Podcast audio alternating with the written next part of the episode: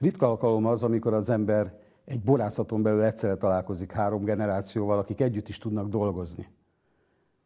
Nyilas pincészet, solybor, vagyis Gyöngyös solymos, a Mátrai borvidék, ahol Nyilas János és lánya Nyilas Ilona 1995-ben megalapították a borászatot, és ebbe kapcsolódott be öt évvel ezelőtt az unokájuk, aki azért körbejárt előtte a világot, és hozza magával a frissességet. Izgalmas beszélgetést hallhatunk. Szőlőről, borról, generációkról, fiatalokról és idősebbekről, és természetesen egy nagyon sokszínű borvidékről, a Mátráról.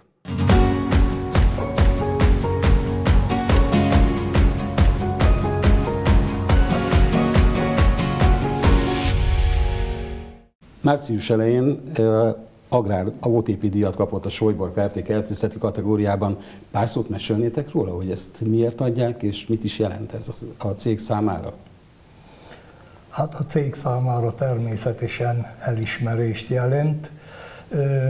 Gyakorlatilag annyi hiúság van az emberbe, hogyha mértékkel is, hogy bizony egy nagyobb távú időszakot ölel fél, tehát az elmúlt több mint negyed évszázadot, és hát jó leső érzés, hogyha valaki elismeri a munkát, és mi hát most ebbe a kategóriába kerültünk. Hát ha mások úgy ítélték még, akkor mi nagyon örülünk, és természetesen ez további biztatást, ösztönzést adott azt, hogy továbbra is hasonlóképpen, csak magasabb szinten kell művelni. János, ültünk mi már az irodában, és hát ott is voltak kitüntetések, de menjünk egy lépéssel vissza. Gyöngyös solymos. Rendes gyöngyös solymosnak mindenkinek van szőlője és pincéje? Gyöngyös solymos a Mátrai borvidéknek a Hát egyik legnagyobb, ha települést veszik, akkor legnagyobb szőlőterülettel rendelkező, mint egy 8-9 százalék a borvidéknek gyöngyös solymoson van, és ha ugye ettől tovább megyek, ennek a jelentős része, tehát több mint kétharmada a Solybor Kft. használatába, illetve tulajdonába, mert ugye tulajdonos nem lehet a vállalkozás, de gyakorlatilag itt ülünk hárman, még, még egy-két családtag, szereplő szőlőterületről van szó, amelyet hát ugye bérbe adunk művelésre a Solybor Kft.-nek, és ezen belül tevékenykedünk és hát úgy, ahogy most itt helyet foglalunk, ülünk, próbál a család minden hát, nemzedéke bekapcsolódni ebbe a műveletbe. Hát ugye igaz, hogy középen ülök, de hát nem ez volna a sorrend, de hát örülök neki, hogy a család mindkét tagja ezt szeretettel csinálja, nem rábeszélni kellett őket, hogy maradjonak ennél az ágazatnál. Láttak benne és látnak benne lehetőséget.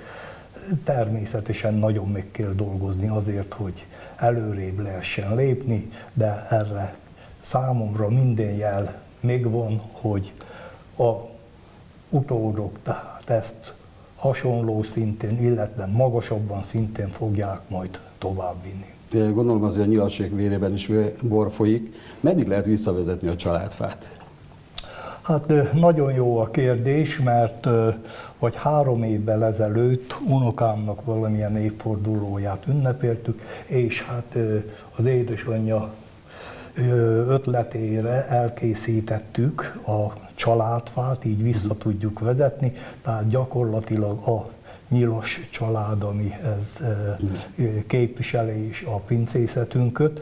A 1690-es években van az első születés, akiről tudjuk, hogy Nyilas, Nyilas Ferenc névén született, pontosan nem is azt tudjuk, hogy 1690, de az, hogy 1708 vagy 10 körül halt még, tehát ez azt jelenti, hogy valahol 1600-as évek elej, végén születhetett, és onnan kezdve nagyon végig tudjuk követni a családot, alakulás, származást, hogy itt nem csak az unokát ajándékoztuk még, vagy a édesanyja nem csak a lányát, hanem gyakorlatilag engem is, vagy az egész családot, mert így sokkal többet tudunk a családról.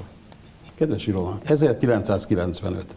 Sejtetted akkor, hogy mi lesz a sorsod? Amikor belevágtatok a cég alapításba? Persze. Ugye előtte már én, mint magánvállalkozó elkezdtem ezt a borkészítést, szőlőtermesztést. Ugye akkoriban nem sokkal előtte kaptuk vissza a földeket, volt ugye ez a, ez a rendszerváltás idején történt, és hát a átlaghoz képest kicsit több földdel rendelkeztünk ott az adott településen, Gyöngyös Solymoson, és úgy gondoltuk, először inkább én, de természetesen az apu is, csak ő meg akkor másfelé volt elkötelezve, hogy ezzel kezdenünk kellene valamit, ha már a családunk is erre predestinált és szőlőtermesztéssel foglalkozott, hogy ezt mindenképpen vigyük tovább, és megtaláltuk a módját, hogy ugyan nagy befektetési lehetőséggel nem rendelkeztünk, de, de az induláshoz megtaláltuk azt a módot, ami el tudott indítani bennünket ezen az úton amit azóta is töretlenül folytatunk tovább. Hát ha igazán visszamegyek, hogy gondoltam volna, egy időben nagyon nem, mert mikor középiskolás voltam, sőt, még előtte is, akkor a kisgyerekek mindig volt szőlünk, és nekem folyton kellett oda menni, hol csak játszani, hol csak dolgozni, de hát a többi gyerek addig élte a vidám gyerekkor mindennapjait, míg nekem ezt kellett tennem, és akkor el is határoztam, ha egyszer én felnövök, a szőlőt közelébe se megyek, az biztos. Aztán hát az élet tudjuk, hogy milyen nagy rendező, mégis így alakult, amit, amit nagyon nem bántam meg, és nagyon hálás vagyok a, a sorsnak, vagy bárminek is, hogy, hogy ezen a, a pályán indultam el, és ezt folytatom tovább, és ezt még tovább is tudom adni. Induláskor mekkora területtel kezdtetek?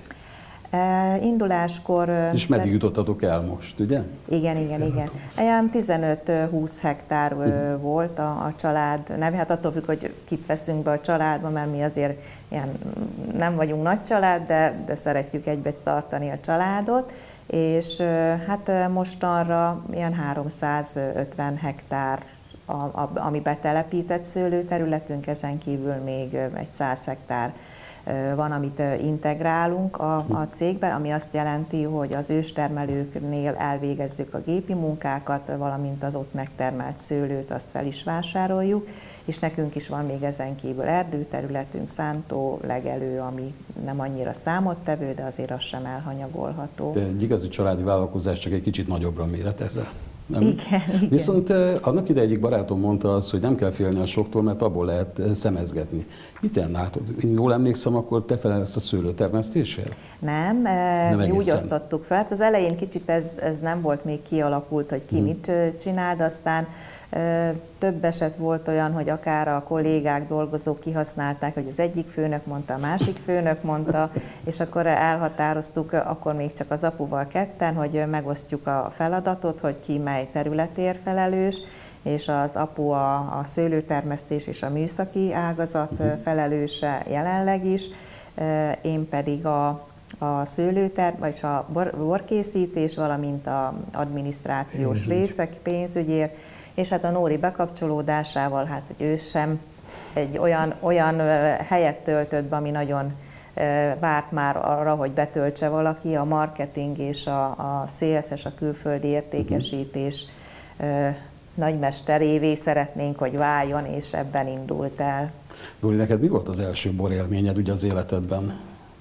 Hát, hogyha az első, legelső borélmény kellene, akkor körülbelül lehettem ilyen 5-6 év körül, és az első szüret éppen akkor zajlott már még a régi központunkba, és hatalmas szeretettel nyomogattam az úzóbogyózó gombját, amikor mikor mehetett, mikor állhatott le, és utána, amikor lementünk a pincébe, és az a, az a nagyon kellemes bor illat és a must kóstolása, nekem így gyerekként ez volt az első élményem, és én nekem mindig csak szerencsésen pozitív élményeim voltak a, a szőlővel és a borral kapcsolatban. Lehet, hogy azért, mert nekem nem kellett kényszeredetten szőlőbe mennem dolgozni gyermekkoromba, és mindig is terveztem azt, hogy, hogy valahogy így a, a családi vállalkozás közelébe maradok, de aztán voltak olyan időszakok, amikor távolabbról gondoltam ezt szemlélni, nem tartott sokáig.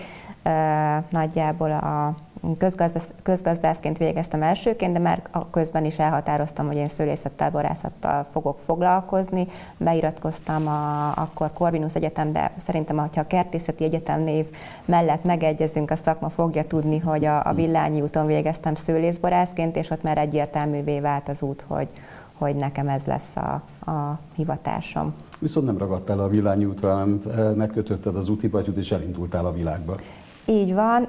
Egyrészt erre mindig nagyon bátorította akár a papi, uh-huh. akár az anya, és ezért nagyon hálás vagyok a családnak, hogy ezt megtehettem, hogy az OIV égisze alatt egy olyan mesterképzést végezhettem el, amely akkoriban egyedülállóként egy bormenedzseri diplomát biztosított, és a világon több mint 25 országot látogathattunk meg szőlészeti borászati szempontból, ahol a szakma legnevesebb képviselőivel találkozhattunk és tanulhattunk tőlük és ez egy olyan életszemléletet adott a szakmán belül, amely bízok benne, hogy hogy elő fogja segíteni azt, hogy ezt a hazahozott tudást beintegráljam a mi mindennapi működésünkbe is. Mikor érkeztél meg?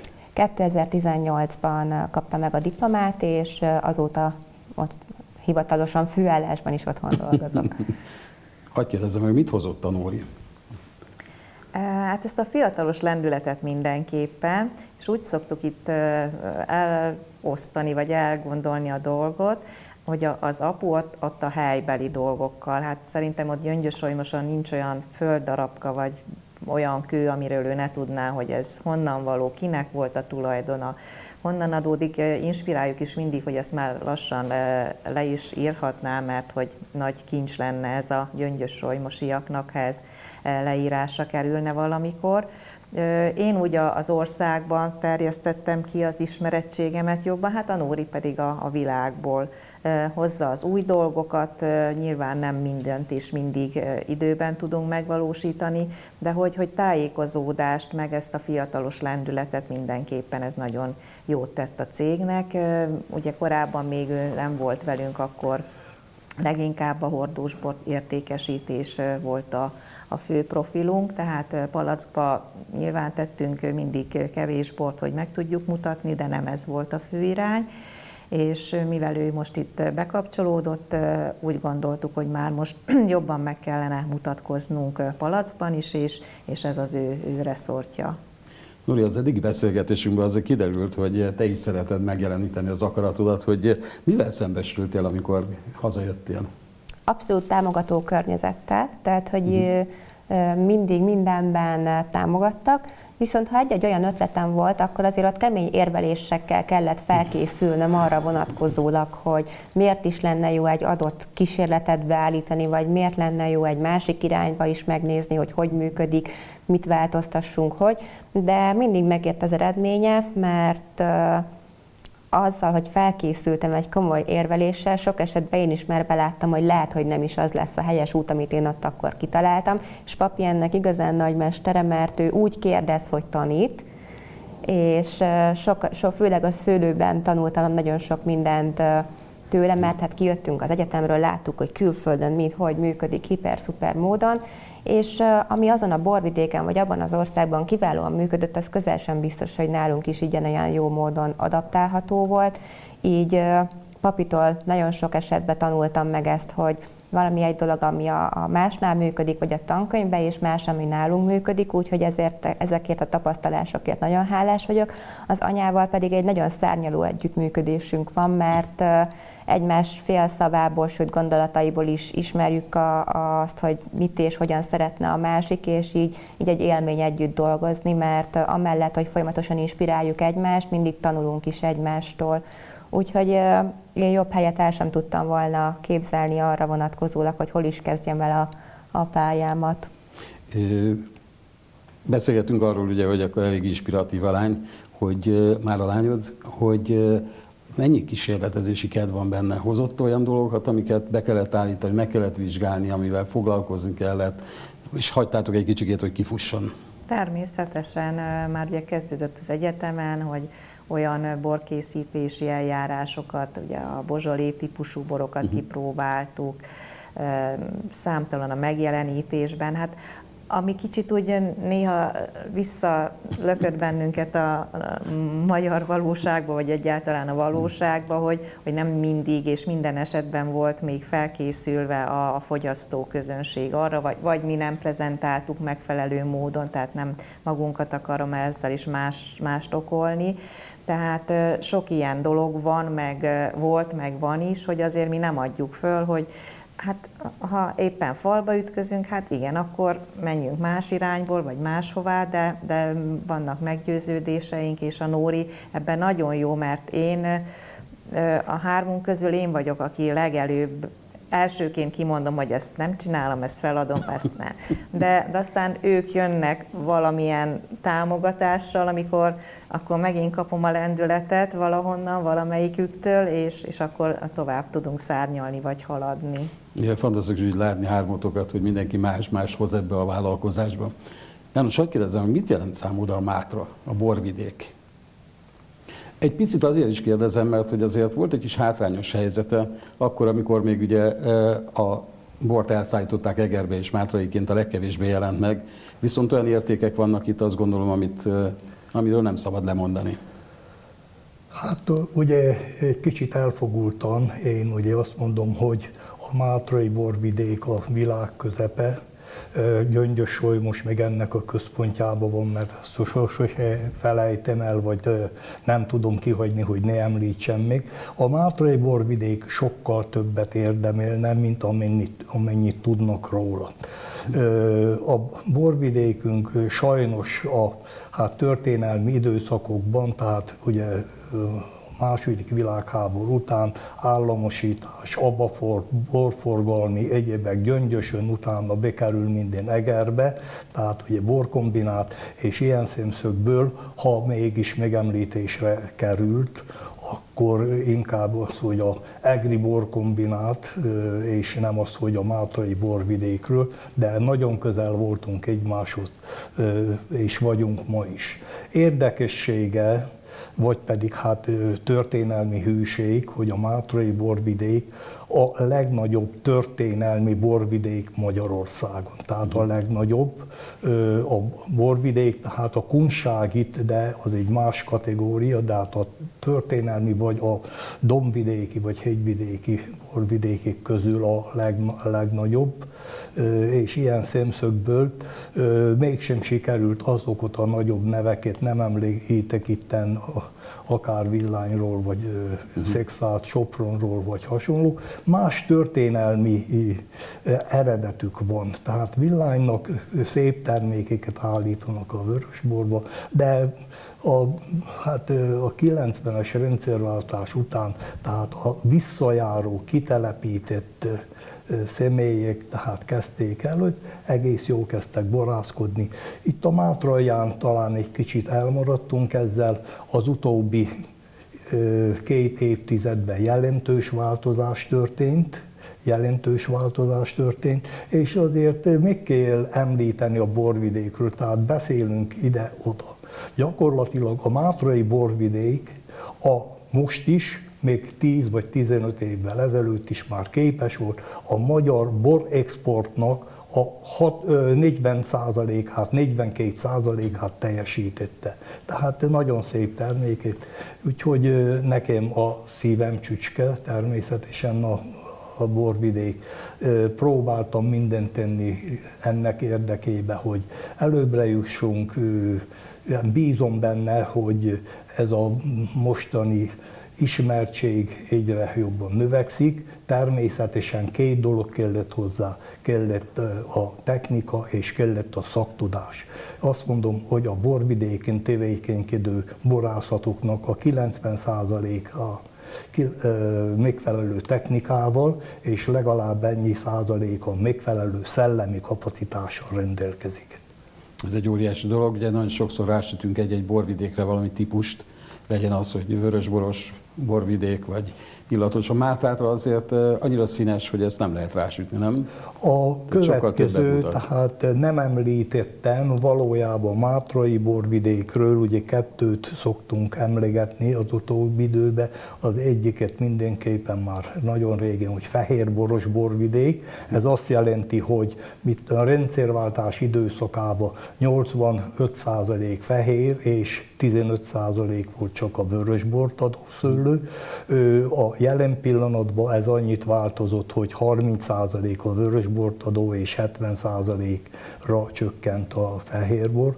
A másik a mátrai borvidéket, tehát a nem a borvidékről származó, de a borhoz értő szakemberek is azt mondják, a legszebb illatos borokot a Mátralján lehet ízlelni, kóstolni, lehet előállítani valójában, tehát bizonyos szintig a, a, a vulkanikus eredetű talajok, a déli lankán elhelyezkedő szőlőültetvények, ezek mind hozzá segítettek, és tényleg nagyon szép borokat tudunk kóstolni, ízlelni. Én bízom benne, hogy ezt a fiatalabb nem, hogy bízom, hanem látom és tapasztalom, hogy fel is ismerte, és ebbe az irányba tevékenykednek. Természetesen nagy hagyománya van a úgynevezett hagyományos fajtáknak a, a termesztésében, mert azokból is lehet nagyon szép borokat készíteni, de nem maradt el a borvidék, a úgynevezett világfajták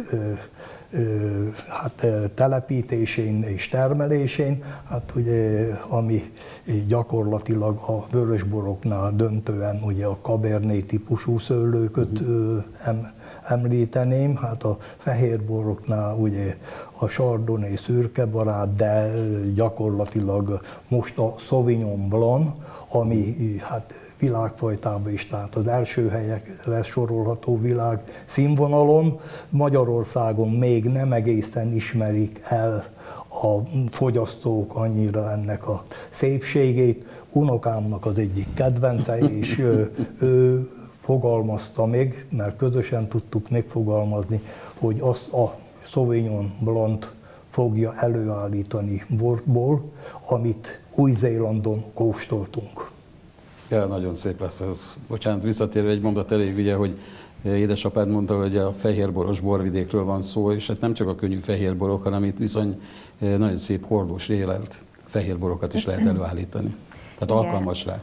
Igen, fő, főként az elmúlt 10-20 év, ugye halljuk mindenhonnan azt folyik, hogy ez a globális felmelegedés uh-huh. érinti a mezőgazdaságot nagyon is, és ezt mi is érezzük, tehát hogy mi korábban azért küzdöttünk, hogy az alkoholtartalom és ugye a cukortartalom magasabb legyen, nem érnek be az úgy a szőlők, zöld ízek, egyéb, és szerintem köze van annak is, amit az apu mondott, hogy a vörösbor vagy a kék szőlő telepítés is megnövekedett, ugyanis sokkal mhm. jobban be tudnak érni, és sokkal szebb vörösborokat tudunk készíteni, mint 20 évvel ezelőtt, és így, így ezek a testesebb borok is azért tudnak már sokkal jobb minőségben készül. Egy az, egyrészt az alapanyag, mivel uh-huh. nagyon jól be tudnak érni a, a szőlők, néha még probléma is, hogy már túlérettek, és ugye nem szeretnénk édes vagy késői születelésű borban maradék cukrot meghagyni, tehát nagyon oda kell figyelni erre, és ez már egy nagyon jó alapot biztosít arra, hogy ezt hordóba tegyük, érleljük, és, és olyan módon tudjuk már a palackba a fogyasztók elé vinni, hogy, hogy nem csak maga a szőlő aromák, hanem hozzá tudjuk adni a, a fás, hordós érlelésnek a jegyeit is. Ugye a klímaváltozás az egész világot érinti, vagy legalábbis ugye ezt a klímát, vagy ezt az övezetet, ahol szőlőt termesztünk, hogy hogy, hogy látod a 20 év múlva a Mátrai borvidéket? Nagyon érdekes tapasztalásban volt pár napja részem, mert uh, nyilván beszélünk róla, érezzük kicsi léptékben ahhoz képest, amit a világban uh-huh. lehet tapasztalni. Most voltam uh, Dél-Spanyolországban, ahol két olyan folyót is most tavasszal kiszáradva láttam, ami ezelőtt három-négy évvel még hajózható, hajó, hajózható folyók voltak. És ez mélyen megdöbbentett és elgondolkodtatott, hogy, hogy milyen irányba is fogunk menni, és hogy el kell azon gondolkodjunk, hogy esetlegesen öntözéses rendszereket építsünk ki, vagy milyen természetes úton tudjuk úgy a szőlőtermesztést alakítani, akár fajta szerkezetben, akár olyan művelési eljárásokkal, fitotechnológiai mhm. műveletekkel, hogy, hogy erre időben tudjunk reagálni, mert hiszen gond, a szőlőtermesztésben azért nem egy-két perc alatt tudunk változtatni, ha szőlőfajtáról van szó, másrésztről pedig azért nem árt, hogyha egy picit előre tervezünk és tudunk gondolkodni még ebben a kiszámíthatatlan, mind időjárási, mind pedig úgy látjuk, hogy globális eseményekkel teli világban is. Úgyhogy vannak ABC variációink arra mhm. vonatkozóan, hogy milyen lesz. Én a legpozitívabb gondolatmenetet szeretném a magaménak tudni, hogy most ez egy ilyen szélsőségekkel teli időszak, de aztán bízok benne, hogy egy pár éven belül ez tud normalizálódni, és egy kicsit mi is, hogyha jobban odafigyelünk a, a környezetünk megóvására és annak a, a megbecsülésére, akkor talán még vissza tudjuk billenteni ezt a, az egyensúlyt egy olyan irányba, még hogyha nem is tökéletesen, de hogy nem lesz ennyire szélsőségekkel teli a, az életünk, mint ahogy napjainkban tapasztaljuk. Nyilván talán az első választás az, vagy a reagálás az az, amikor az ember úgy választja meg a telepítendő területet, illetve a fajtát. Hány fajtával dolgoztok, János? Nehéz volna félsorolni, 350 hektár. De legalább 15 fajtával dolgozunk, tehát a borvidéknek ugye a fő termék említettem a fehér bortadó uh-huh. és a illatos fajta. Tehát mindenképpen az illatosok élén ugye a írsai olivér uh-huh. és a muskátotónél, de rendelkezünk sárga muskotájjal is ugyanakkor a piacot tekintve a szürke barátot említeném, és természetesen a hagyományos fajtát, ami a, a én kedvenc borom, hogyha szépen van elkészítve nálunk, pedig csak szépen lehet az olasz rizling, de ezek mellett, mint említettem, a Sauvignon Blanc-tól a Leánykáig, a Riesling Szilvánitól, a nagyon sok fajtát említhetnék. A kék szőlőnél a Cabernet Sauvignon Cabernet Franc, kék frankos, Pinot Noir, újabban a Sira, tehát ugye világfajták között, vagy hát inkább a Afrika, dél-afrikai részről származó fajtáról beszélünk. Na most el kell mondani, hogy mi nem laborszerűen foglalkozunk ezekkel, mert többször hallok, azt mondják aztán, hogy van összesen tíz fajta, aztán hallunk három-négy hektárosról, tehát mint említett, talán több mint 350 hektár, de a legkevesebb egy-egy fajtából 8-10 hektár legalább, de a, a nagyobb fajtákból 40-50 hektár áll rendelkezésünkre, és hát ezért örülök, hogy a két lány nagyon inkább borászkodnak, tehát biztatom egy kicsit a szőlőre is, és hát ebből tudnak megfelelően gazdálkodni, és szebb szép terméket előállítani. Híne folyosón már beszélgettünk arról, hogy hogy gyakorlatilag ugye a szőlők hogyan reagálnak, ugye a fiatalabb ültetvények azok eléggé megviselődtek a az elmúlt évben, meg az elmúlt években. Van egyébként tapasztalatod a fajtákkal kapcsolatban is, hogy melyek azok, melyek jobban viselik ezt a felmelegedést, vagy ezt az gyakor... extrém klímát?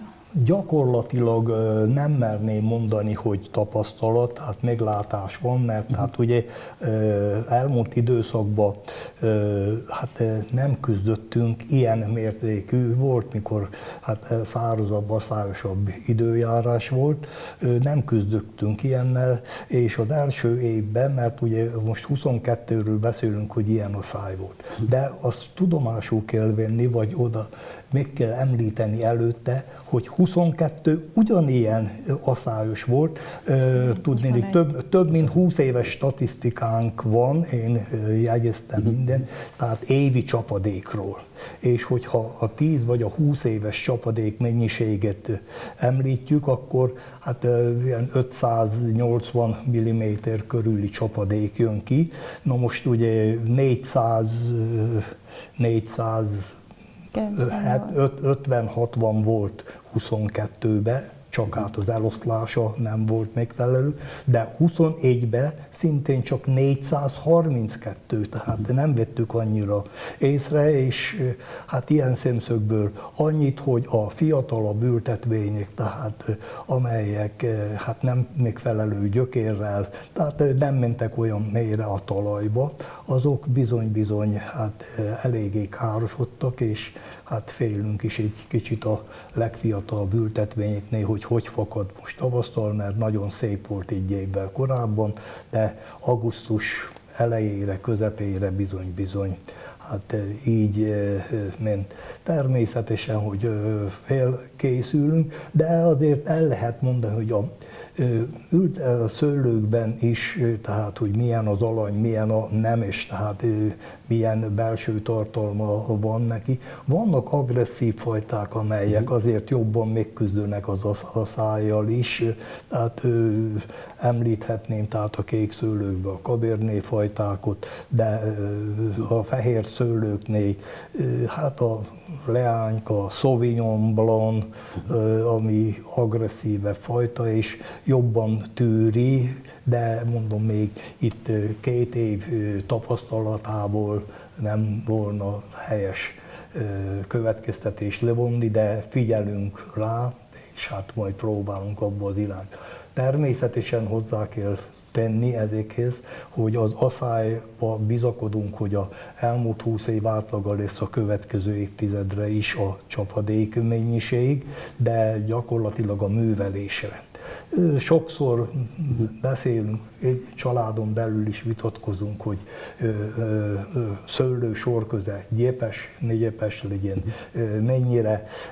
Tényleg, ha kicsit csapadékosabb, akkor azt mondjuk, hogy nagyon jó, mert könnyebb művelni a a földi gépekkel is, de ugyanakkor, ha ilyen 21-22-es évjárat, akkor bizony-bizony a szőlőfáján, és ha a szőlőfája nem úgy növekszik, ahogy kellene, uh-huh. nem tudja megfelelően kihozni, vagy beérlelni a szőlőt, sőt a következő évre úgy félkészülni, hogy megfelelően felhalmozódjanak a következő év hát termőképes rügyei. Hát nehéz úgy. Kint beszélgettünk róla, hogy az egész család, illetve az alkalmazottak is természetbarátok. Ugye, ha jól figyeltem, akkor a kutyák is szinte családtagok nálatok. Viszont hát bejár a bambi is, ami nem feltétlenül előnyös a szőlőbe, hanem azért néha gondot is okoz. Küzdötök velük? Igen, elhelyezkedésünkből adódóan is mi azt hiszem, hogy még ilyet nem gondoltam át, de hogy mi vagyunk a legközelebbi szőlőtermesztők a Mátrához. Több ültetvényünk határos erdővel, vagy erdősávokkal mindenképpen.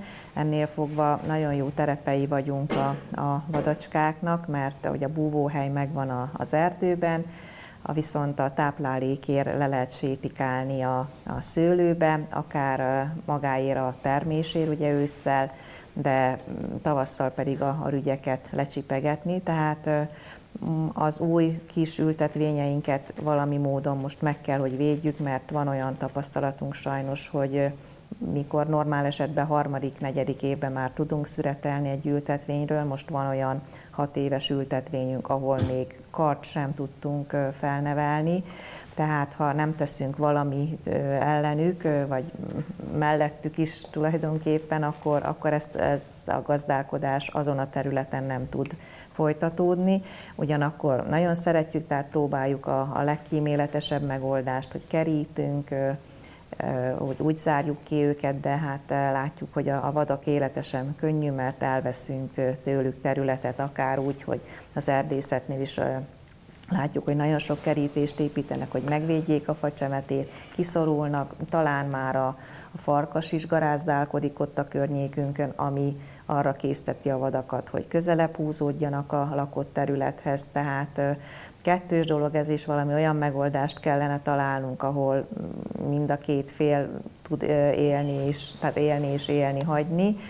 Ez nyilván költségnövekedéssel is jár nekünk, de, de hát bízunk benne, hogy majd ez is valahogy megoldódik, mint minden egyéb.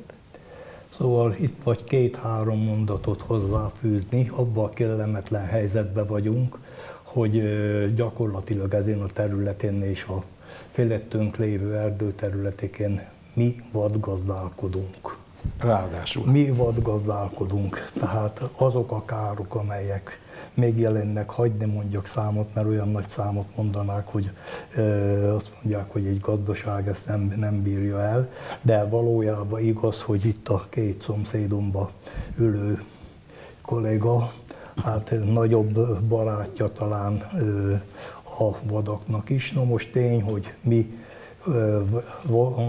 vettük el a, vagy vesszük el a területét, és hát tőlük és nekik is élni kell. A másik az, hogy ezekkel a feltételekkel lészorulnak, másik jobban tudnak táplálkozni a mezőgazdasági területén, mint az erdőbe, főleg ebben az aszályos időbe, és hát bizony az elmúlt két évben nagyon nagy károkat szenvedtünk próbáljuk különböző villanypásztor kerítéssel megoldani, de mit csinálunk? Én magam védekezek, de átszorítom valahol, mert ha ott nem tud élelemhez jutni, akkor megy tovább, vizsgáljuk a lehetőséget, még próbáljuk összehangolni, hogy ezt a kettőt tényleg a természet szeretetét, annak az élővilágát is megtartani, de hát termelni is szeretnénk, mert tehát eredményeket is szeretnénk elérni. Hát természeti látni vonzalom vagy szeretet megjelenik a palackon is, a cím, új címkéken is, hogy erről, hogy ki, kinek az ötlete volt, és hogyha pár szót lehetne, hogy hogyan jött ez? Hát amikor 2021-es évjáratnál jelent meg ez az első új címke család, akkor az volt az elgondolásunk, hogy a régit az már több mint tíz éve készült címkéket azért is szeretnénk lecserélni, mert egyrésztről már nem éreztük azt, hogy az kifejezni a, a boraink stílusát, másrésztről pedig minket nagyon sem tükrözött, és olyan címkét szerettünk volna, meg olyan megjelenést a borainknak, amely nem csak a, a benne rejlő értéket, de ugye a családnak a, a szellemiségét is megmutatja. És amikor megtaláltuk a, azt a grafikus csapatot és azt a, az ügynökséget, akikkel együtt ezt megalkottuk, rögtön meg volt a, az összhang, és amikor ők le, ellátogattak hozzánk, hogy beszélgessünk rólunk, a borászatról, borokról, a természetről, akkor olyan sok gyönyörű madár tavaszi időszakban repkedett, hogy megihlette a, a grafikus hölgyet, aki készítette a, a címkéket, illetve az a szárnyalás is, amit ő tapasztalt itt a családunk körébe, hogy, uh-huh. hogy mindig új ötlet, új tennivaló, új innováció az irány nálunk, amin gondolkodunk, és a természet szeretete. És ez a három ötvezetéből jöttek a, a madarak, és minden borra más madarat álmodtunk meg, olyan madarakat, akik felelhetőek a, a borászat környékén, illetve a termőterületeink nagy részén. Van egyébként tudatosság a fajta és a madár párosításában? Vannak, de elsőként, amikor ezt elindult a madaras címke, akkor még nem gondoltuk, hogy lesz mögötte, de uh, tulajdonképpen ahogy, vált, ahogy az egyes fajtáknál uh, terveztük a címkét és gondolkodtunk, utána meglett a tudatosság, a zöld küldő van a Sauvignon ami a leginkább a, a zöldes jegyekre utal a, a Sauvignon Blancnál. Az írsai olivéren egy, egy harkály van, ami tulajdonképpen egy nagyon hasznos madár a természetben, és az írsai olivért is ilyen hasznos fajtának gondolom a, a borfogyasztó közönségnél, hiszen hogyha van egy olyan társaság, aki még, vagy egy olyan ö, személy, aki nem annyira kedveli a bor, de mégis szeretnénk vele megkedveltetni, vagy rávezetni erre az útra, az írsai olivér szokott általában az első ilyen bor lenni, úgyhogy ezt így kötöttük össze, még a Cabernet Sauvignon egy, egy füsti fecske van, ami pedig a, a színét tekintve egy sötétebb és ritkább madár, Gyöngyös Solymoson a, a török időkben épült templomtorony tornyában is fészkelt egy időben, és, és mai napig meg szokott jelenni, és ezt a nemességet, amit, amit ez a madár képvisel ott a környékünkön szerettük volna ez, ebben a borban is megmutatni, és így kerültek összeállításra. Na, nagyon személyesítette egyébként ez a palackot. Még egy kérdés, hogy tegyek fel neked, mint fiatalnak. Ugye láttam azt, hogy foglalkoztok borkostolók tartásával, és ugye azért voltak, akik panaszt emeltek, vagy panaszkodtak arra, hogy mennyivel könnyebb mondjuk Egerben, Villányban, vagy Sopronban például bortúrát szervezni, hiszen gyakorlatilag minden egy helyen koncentrál van, azért a Mátra ilyen tekintetben, és a mátrai borászok távolabb vannak egymástól, hogy hogy látod ennek a helyzet? Ugyanakkor meg az emberek kíváncsiak arra, hogy megismerjenek új ízeket, új területeket, új arcokat, új gondolatokat. Az elmúlt időszakban egy nagyon jó kis közösség alakult ki a Mátrai borvidéken belül, egy nagyon jó innovatív újító szándékkal. Többen vagyunk így fiatal borászok, akik elkezdtünk egy irányba gondolkodni. Ennek az első lépése volt az első közösségi por, ami megalkodásra került, ez a Máj Mátra nevezetű illatos fehér szőlőkből készült házasítás, amely képviseli a Mátrának ezt a a nagyon illatos, gyümölcsös részét, ezt majd tervezzük egy, egy komolyabb bornak a, a megalkotását, hogy azért egy, egy, a Mátrának a komolyabb arcát is megmutassuk a közönségnek és ezáltal a, a nagyvilágnak, de a kóstolók tekintetében is elindult egy olyan tudatos tervezés, hogy hogy találjuk meg azt a legjobb utat, módot arra, hogy el tudjuk hívni a borkedvelő közönséget, vagy a nem annyira borkedvelő, de természetkedvelő vagy sportkedvelő embereket a mi borvidékünkre, és meg tudjuk ismertetni a, a borainkat. És most már ehhez adottak az infrastruktúrális feltételeink is, mert azért az Egri borvidék vagy a Villányi Szexárdi borvidék azért is tudott egy lépés előnyre szert tenni, mert nekik sokkal hamarabb épült ki az infrastruktúra uh-huh. ehhez, sokkal hamarabb voltak olyan kóstolótermek, olyan pincék, amik nálunk a Mátrai borvidéken egy picit később készültek el, egy kicsit később indultunk el. Most már azonban, hogyha eljön hozzánk egy, egy borturista, akkor akár három-négy napos programot is tudunk neki úgy szervezni, hogy különböző településeken tudja meglátogatni a, a borászokat, de ha csak egy család érkezik meg, és egy vagy két pincészetet szeretne meglátogatni, neki is meg tudjuk adni azt a, a kicsitől a legnagyobb borászatig azt az élményt, hogy utána esetlegesen egy hosszabb időre is el tudjon jönni hozzánk. Egyébként családos természeti adottságokkal, és hát egy gazdag történelmi múltán rendelkezik a Mátra is, amit az ember néha nem is gondolna, hogy, hogy mi mindenek vannak. Amikor megkérdezik tőlem, bocsánat, hogy mi a kedvenc borom, akkor általában meg szoktam húzni a vállamat. Nóráról már kiderült, hogy ugye azért a Sauvignon Blanc egyik hódolója. Ilona, neked van? Én is így voltam, mint te, hogy én ilyen szezonális kedvenceim vannak, hogy, hogy nyáron nyilván a könnyedebb fehér, esetleg egy rozé is belefér, míg télen inkább a vörös borokhoz vonzódom, és most a vörös boroknál a Pinot Noir, ami a mhm. kedvencem. Mondják, hogy Magyarországon, sőt a Mátrában mm, majd, hogy nem lehetetlen igazi szép Pinot készíteni. Mm, én azt gondolom, hogy eljön az az idő, hogy esetleg ebbe is meg tudjuk majd mutatni magunkat, hogy képesek vagyunk rá. A fehérbor tekintetében egy szép sardoni el tud varázsolni. Most nekünk is két éve van, hogy fahordóban is érlelünk borokat. Az egyik éppen a sardoni, amit már nagyon gyakran kóstolgatunk, hogy mikor, mikor lesz már abban az állapotban, amikor azt mondjuk, hogy na most igen, most kell, hogy palackba tegyük. Bízom benne, hogy az majd nem csak nekünk a tetszésünket nyeri el, hanem a, a fogyasztókét is. Hogy ne kérdezzem a János, inkább el tudnátok mondani, hogy ő neki mi a kedvenc bora? Igen, az olasz Riesling, igen. Nagyapának? Ö... Hogy mondják el? Ja, ő. Igen, igen. Hogy ők? Igen, ők az olasz, olasz Riesling szerintem úgy standarden, de hát őt is el lehet kicsit téríteni ettől, mert nálunk ilyen szomszédos házakban, vagy legalábbis nagyon közel lakunk egymáshoz, és általában szokásos az, hogy délben az anyu, a mami készíti az ebédet, akkor a család oda megy ebédelni, de nyilván akkor a borfogyasztása vagy kóstolása nem nagy lehetőség adódik, viszont esténként általában a Nóri a gasztró világban is eléggé jól tájékozódik, és nagyon jól is készíti el a, a vacsorának valót, és ehhez bontunk bort a világ bármely tájáról, vagy, vagy ha éppen a saját borunkkal vagyunk ott, hogy hogyan tovább, akkor azt kóstoljuk, és akkor visszük körbe a család, vagy ezt bontottuk, akkor kóstolja meg az apu, meg kóstoljuk meg mi, és e, ilyen módon e, ő is azt mondja, hogy hát jó, olasz rizling jó, de hát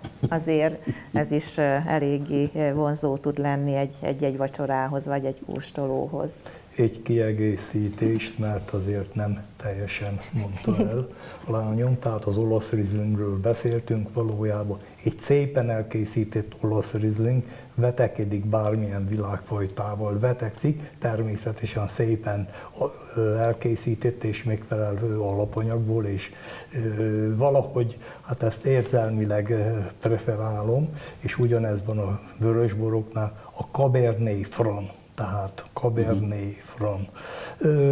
Tehát nem annyira illatban, nem annyira tülekedő, mint a Cabernet Sauvignon, és hát ugye, hogyha vörösborba, akkor a Cabernet Franc, ezt említem még, ha a fehérbort és szép ki, akkor olasz rizlinget. Természetesen mindet, és sokszor vizsgáztatnak ez alkalommal, tehát ha nem minden eh, nap is, de hetente legalább kétszer, háromszor, akkor ezt mondnak, hogy ez milyen szőlő, vagy ez milyen bor, vagy egy, egyébek ők sokkal jobban bírálnak már, mint én, valamikor én is jobban, de hát a kifinomultabb érzékkel rendelkeznek a bírálathoz, úgyhogy kóstolgatom és sok szép bort tudok szerencsére kóstolni, de ha úgy gyorsan meg kell említeni, akkor olasz Riesling Cabernet Franc.